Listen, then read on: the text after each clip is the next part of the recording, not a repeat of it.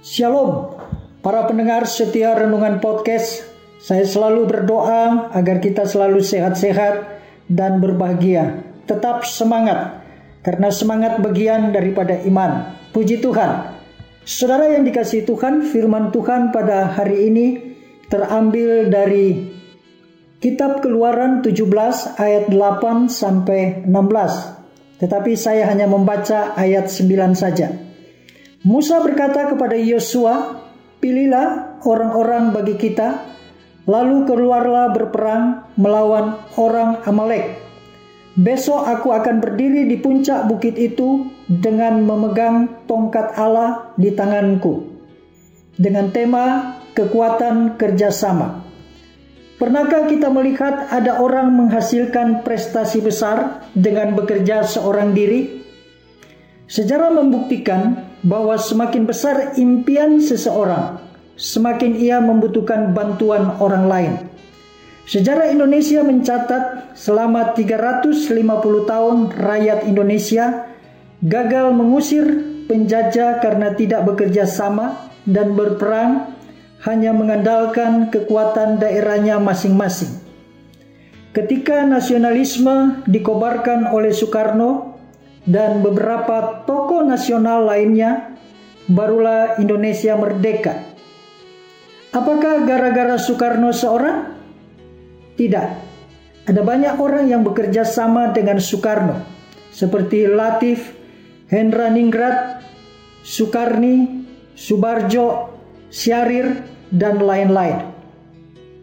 Kemenangan orang Israel melawan orang Amalek pun adalah salah satu catatan sejarah yang menceritakan kekuatan kerjasama.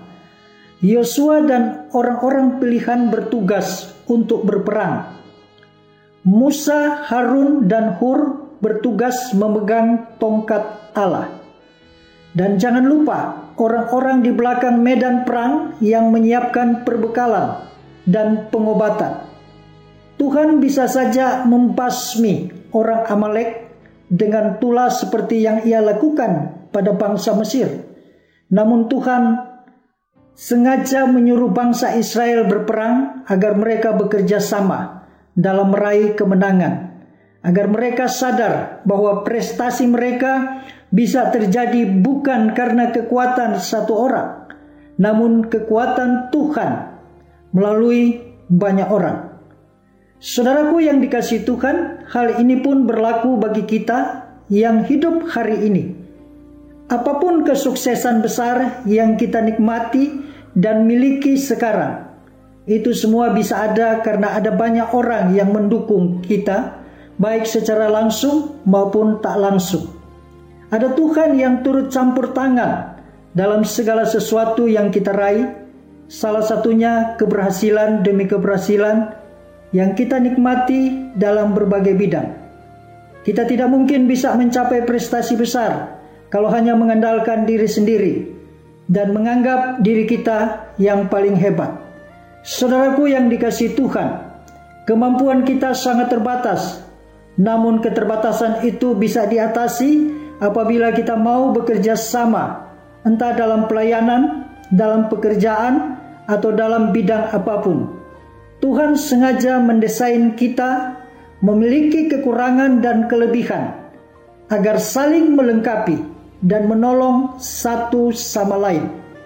Jadilah pribadi yang bisa bekerja sama agar kita mampu menghasilkan prestasi besar. Solideo Gloria, Tuhan yang dimuliakan. Mari kita berdoa. Segala kemuliaan bagimu ya Tuhan. Berikan kami kemampuan kerendahan hati untuk mampu bekerja sama dengan rekan-rekan yang lain, baik di dalam pelayanan, dalam pekerjaan, dalam hal apa pun.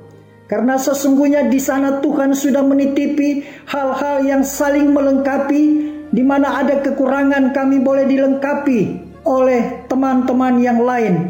Itu sebabnya kuatkan kami Tuhan Engkau memberkati kami senantiasa untuk kami boleh menjadi saluran berkat. Karena kami tahu prestasi besar tidak mungkin dicapai seorang diri. Menunjukkan di mana kami butuh teman. Kami butuh akan orang-orang yang Tuhan taruh di dalam hidup kami. Untuk kami boleh berjejaring. Kami tetap saling mendoakan, menyemangati dan menguatkan. Tidak untuk sehari dua hari tapi sampai kepada akhir kehidupan Maranatha Tuhan datang kali kedua dan mendapatkan kami tetap ada di dalam kebaikan kasih-Mu. Terima kasih Tuhan. Di dalam nama Yesus kami berdoa. Haleluya.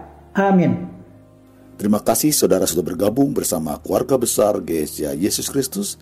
Sampai jumpa, Tuhan memberkati.